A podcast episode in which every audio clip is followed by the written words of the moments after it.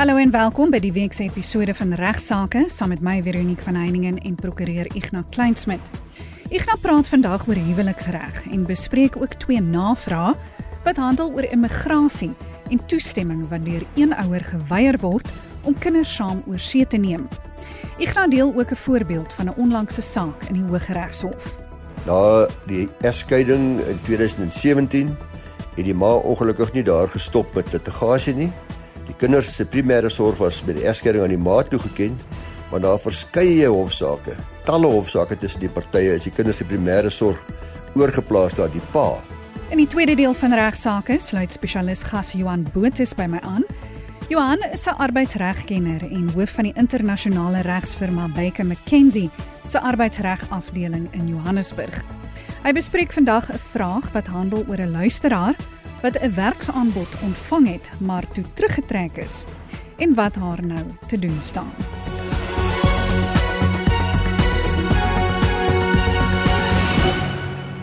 Ons skop die program nou af met Ignas wat 'n paar aspekte van die huweliksreg bespreek. Ja, hartlike goeiemôre aan aan die luisteraars en ook aan jou Veronique en almal daar by RSG. Lekker om te gesels en ek hoop almal gaan regsaake vandag saam met my geniet. Ek gaan vandag 'n bietjie gesels oor huweliksreg en 'n paar aspekte daarvan. Al die bydraes is gemaak deur Elmarie Rigter, die familieregspesialis daarby van Fellen Duffy in Rustenburg. Baie dankie Elmarie, sy het bietjie vir my inligting gegee oor ouervervreemding, ook wanneer mens toestemming moet kry om te immigreer met jou kinders en natuurlik ook as daar tyd is nog 'n straf vir die kwaadwillige ma wat vir 'n kleinigheid hof toe gehardloop het. Nou ouervervreemding is 'n strategie waar een ouer doelbewus die kind manipuleer en negatief beïnvloed teenoor die ander ouer. Familiereg prokureurs en ek het baie jare dit gedoen, sal baie kan getuig hoor dat dit redelik algemeen is by egskeidings veral waar daar gevegte is of geskille is oor die beheer en toesig oor die kinders. Dit word dan gedoen om die kind se verhouding met die ander ouer te beskadig en dikwels ook om die kind geneer en altyd na die ander ouer op te maak of teen die ander ouer te laat draai. Dis 'n emosionele, slegte emosionele spel wat ouers met die kinders speel. Dit het 'n massiewe negatiewe impak op hierdie arme kinders se geestelike en emosionele welstand. Tesame met hulle welstand wat sonder om dit noodwendig te besef agteruitgaan, lei die ouer-kind verhouding gevolglik ook baie skade. En ons moet maar almal baie paraat wees oor hierdie moontlike vervreemding sodat dit gestaak kan word dat kinders as pionne in litigasie gebruik word ons moet ons kinders hierteen beskerm. Ouer vervreemding begin gewoonlik by die frustrering en weerhouding van kontak tussen die kind en die ander ouer. Om suksesvol die kind van die ander ouer te weerhou, wek baie ouers ook 'n vrees by die kinders teenoor die ander ouer. Want as die kind te bang is om by die ander ouer te gaan kuier, kan daar al te maklik gesê word dat kontak weerhou word op die kind se versoek en nie as gevolg van die toedoen van die ander ouer nie. Ander voorbeelde van ouer vervreemdingsgedrag is om sleg te praat van uh, die ander ouer voor die kinders, manipulering, breinspoeling, om die kinders aan te moedig om die ander ouer sleg te praat of met disrespek te hanteer, om 'n kind skuldig te laat voel wanneer hulle die ander ouer mis of oor die ander ouer goed praat of verlang, om die kind te laat dink die ander ouer is sleg, byvoorbeeld om leuns vir die kind te vertel oor die ander ouer, of om die kind te laat dink dat die ander ouer hulle leed gaan aandoen of nie meer vir hulle lief is nie. Dis alles voorbeelde van ouer vervreemding natuurlik ook dikwels wanneer die ander ouer weer 'n nuwe party, 'n nuwe lewensmaat het om dan ook die kinders op te maak teen daardie nuwe lewensmaat. Nou hierdie vervreemding is 'n baie groot bekommernis in ons familiereg. Ouers vervreem hulle kinders van ander ouers en familie af, baie keer van die ouma en oupa ook af, uit blote selfsug en sonder om die kinders se belange op die hart te dra. Die skade wat veroorsaak word tussen die ouer-kind verhouding is enorm kan 'n lewenslange impak hê.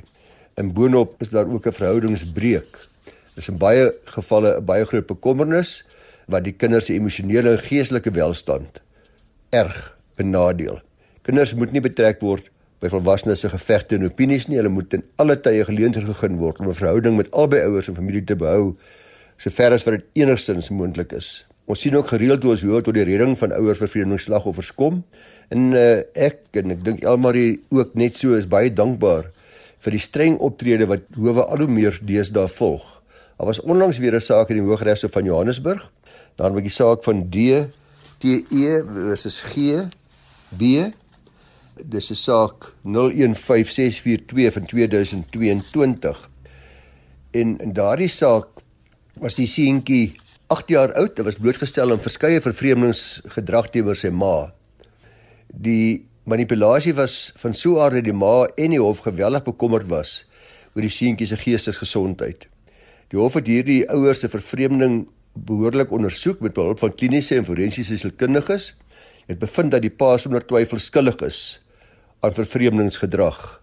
Die pa se ouerlike regte en verpligting was tydelik opgeskort en die pa mag vir 'n periode van 3 maande geen kontak met die seentjie uitgeoefen het nie.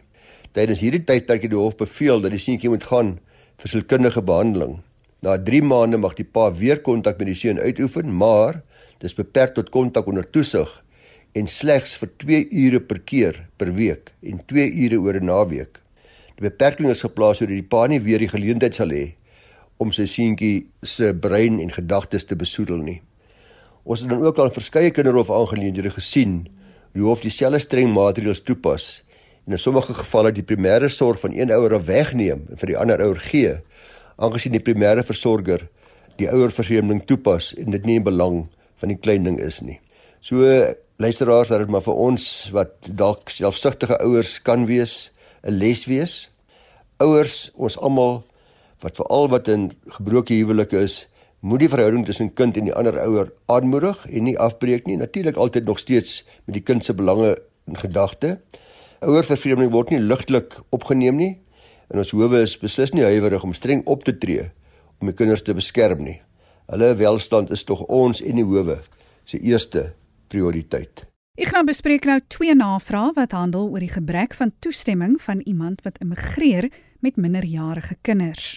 Ek het gedurende 2023 twee navrae ontvang wat gehandel het met gebrek aan toestemming van iemand wat wou immigreer met minderjarige kinders. Dis 'n standaard vereiste dat beide ouers wat oor voogskap beskik moet toestemming gee indien een van die ouers wil immigreer met die kinders. In baie gevalle geen probleem nie, maar daar's ook gevalle waar die ouer wat dan in die land agterbly nie toestemming wil gee nie. In besonder omrede die ouer natuurlik nou nie meer die geleentheid sal hê om sy of haar kinders gereeld te sien nie.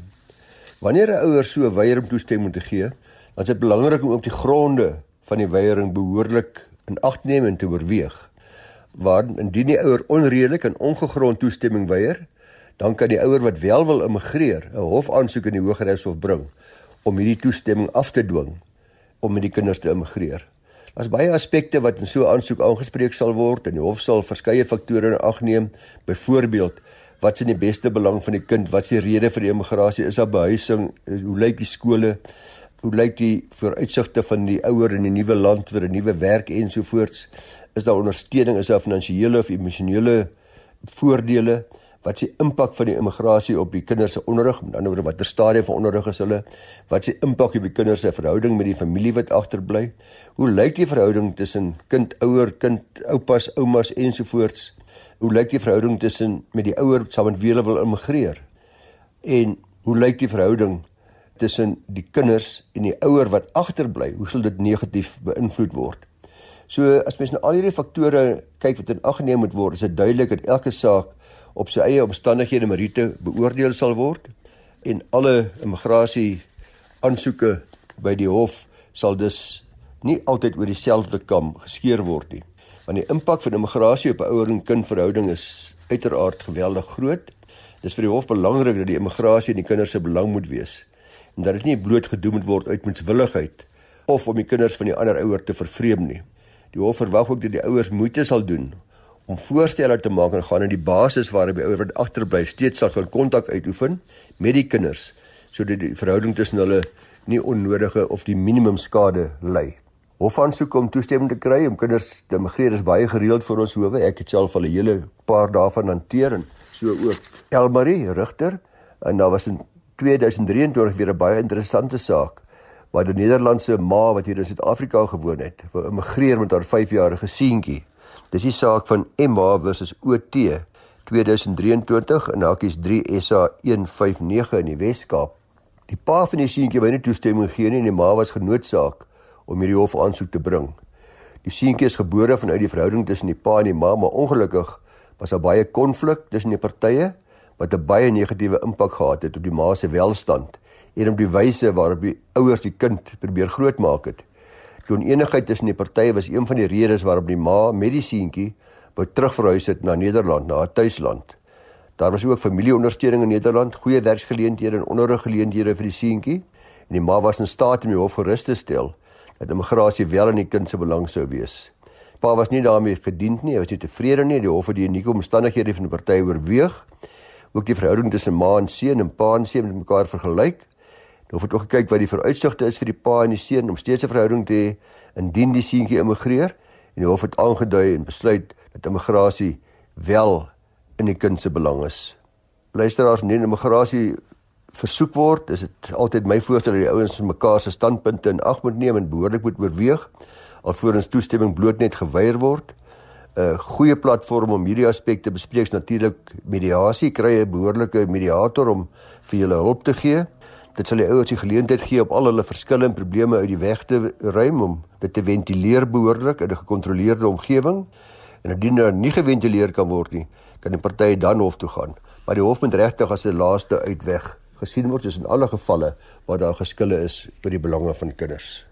Kom ons hoor wat sê Ignas nou ter afsluiting. Vandag wil ek julle vertel van die Hooggeregshof dat onlangs sy voet neergesit het en tot die redding gekom het van 'n pa en kinders wat die ma gestraf het vir haar kwadwillige optrede. Hulle was getroud gewees, twee minderjarige kinders saam, een kind 13, ander 12. Na die egskeiding in 2017 het die ma ongelukkig nie daar gestop met litigasie nie.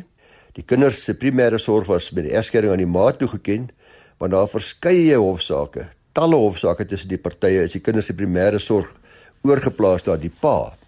Die partye en hul kinders moes deur verskeie hofsaake op forensiese assesserings gaan na die ma onder andere aantuigings gemaak het van seksuele aanranding teenoor die kinders deur die pa. Die ma het ook gedurig opgetree in 'n wyse wat die kinders benadeel en wat dit onmoontlik gemaak het vir die pa om behoorlike sorg oor die kinders uit te oefen. Sy het behoorlik getuister. Tesame met hierdie optrede bring sy gedurig hofsaak na hofsaak sonder om grondige redes daarvoor te hê.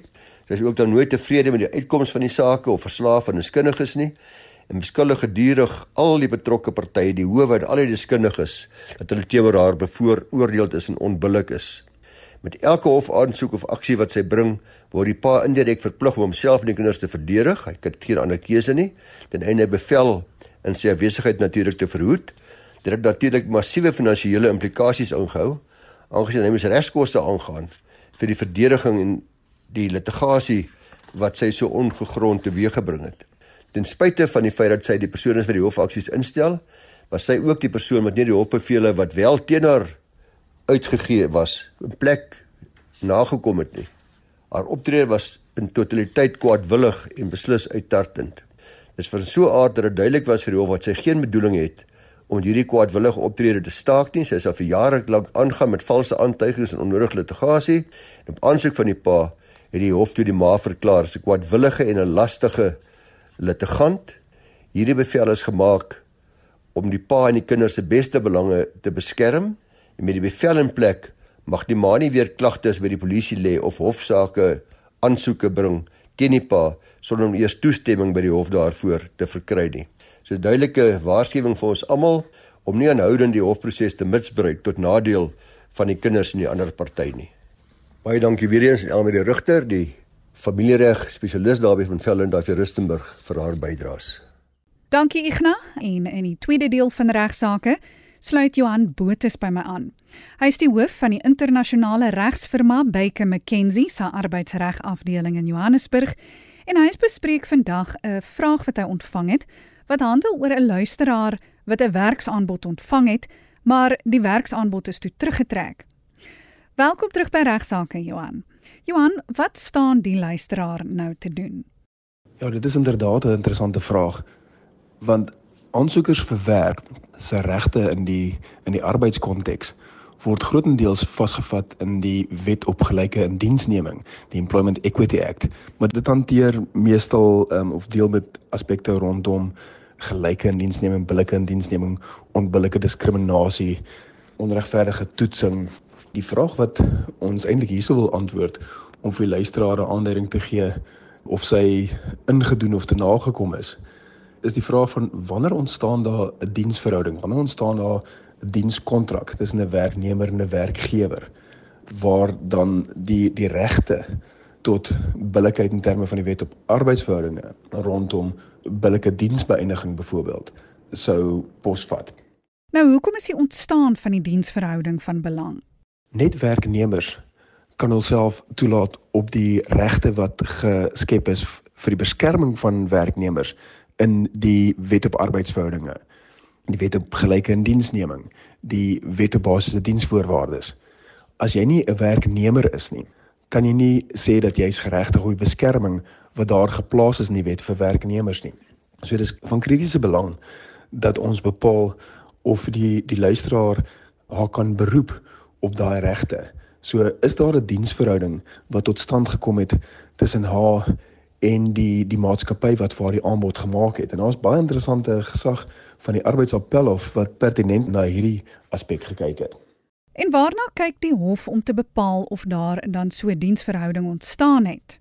In terme van normale kontraktuele beginsels, waar ek 'n aanbod maak aan jou, jy aanvaar die aanbod en jy kommunikeer daai aanvaarding terug na my toe, dan ontstaan daar 'n kontrak tussen jou en my. Die feit dat dit nie op skrif vasgevat is en dat ons albei dit geteken het nie, in meeste gevalle is dit nie 'n regsvereiste dat so 'n kontrak wel op skrif vasgevat moet word en geteken word nie. Daar's 'n paar uitsonderinge tot daai reëls. Maar selfs in die arbeidskonteks is daar nie 'n vereiste dat daar 'n geskrewe kontrak tussen die werkgewer en die werknemer moet wees wat beide partye moet onderteken voordat daar 'n diensverhouding ontstaan nie. En dis wat die arbeidsappelhof ook vir ons gesê het en, en ons net 'n bietjie herinner het. Die oomblik wanneer die werkgewer 'n aanbod maak aan die werknemer, die werknemer aanvaar die aanbod en kommunikeer daardie aanvaarding terug na die werkgewer toe. En daar is geen ander bepaling wat nog aan voldoen moet word nie soos byvoorbeeld 'n agtergrondtoets wat gedoen moet word of 'n kriminele rekordtoets. So as ek aan jou 'n aanbod maak wat jy kan aanvaar en jy aanvaar dit dan dis en jy sê vir my hierdie aanbod aanvaar, ontstaan daar 'n diensverhouding. En die oomblik wanneer daai diensverhouding ontstaan, dan kry jy die regte van 'n werknemer, insluitende die reg dat jy nie onbillik afgedank kan word nie. Maar Johan, is dit nie nodig dat ek darmal aanmeld vir diens voordat ek afgedank word nie? Hoe kan ek ontslaan word voordat ek dan verplig was om te werk? Ja, dis inderdaad so die posisie was jare gelede gewees dat jy moes aanmeld vir diens of verplig gewees om aanmeld vir diens of geregtig gewees het om vergoeding te kry. Maar die hof het ons herinnering gesê dat die diensverhouding ontstaan wanneer daar 'n kontrak tussen ons ontstaan en daai kontrak ontstaan wanneer jy my aanbod aanvaar en my laat weet jy die aanbod aanvaar het. So die oomblik is daai dienskontrak ontstaan, dan kan jy steun op jou regte teen onbillike afdanking. So in wese wat die wat die regsposisie is, is dat indien die luisteraar die aanbod aanvaar het en haar toekomstige werkgewer laat weet dit sy aanvaar die aanbod, dan kan hulle nie daai aanbod terugtrek sonder dat daai terugtrek van die aanbod 'n ontslag is in terme van die wet op arbeidsverhoudinge nie. So die luisteraar is geregtig om 'n eis teen onbillike afdanking by die KVBA aandig te maak en dan sal die werkgewer moet gaan toon dat hulle 'n geldige rede gehad het om haar te ontslaan, om die aanbod terug te trek en dat hulle deur 'n billike proses gegaan het voor hulle dit gedoen het. En indien hulle dit nie kan doen nie, dan kan sy geregtig wees op herindienstelling of vergoeding nie teenstaande die feit dat sy nog nie 'n dag vir hulle gewerk het of selfs geregtig was op een dag se salaris as gevolg van daai nuwe dienskontrak wat ontstaan het nie. En net ter afsluiting Johan, waar los dit maatskappye wat agterkom hulle het 'n fout gemaak deur 'n persoon aan te stel? Die beste advies wat ek aan 'n werkgewer kan gee is om seker te maak dat hulle voor 'n diensnemingsproses wel deurdag en deeglik is. Dan wanneer jy jou hele proses gevoltooi het. En seker maak dat hierdie proses is iemand of hierdie persoon is iemand wat jy wel as deel van die span wil hê. Selfs al kom jy tot by daai punt, sou ek nog steeds sê maak die aanbod onderhewig aan sekere voorwaardes insluitende die voltooi van 'n geskrewe dienskontrak. Baie dankie aan Ignas Kleinsmid van van Velden Duffy Prokureurs vir sy bydrae tot vandag se program soos altyd. En natuurlik ook aan my spesialis gas Johan Botus van Baker McKenzie in Johannesburg vir sy bydrae. Vir enige navrae stuur gerus 'n e-pos na my toe by vero@rsg.co.za. Van my Veronique van Heiningen. Groete tot volgende week.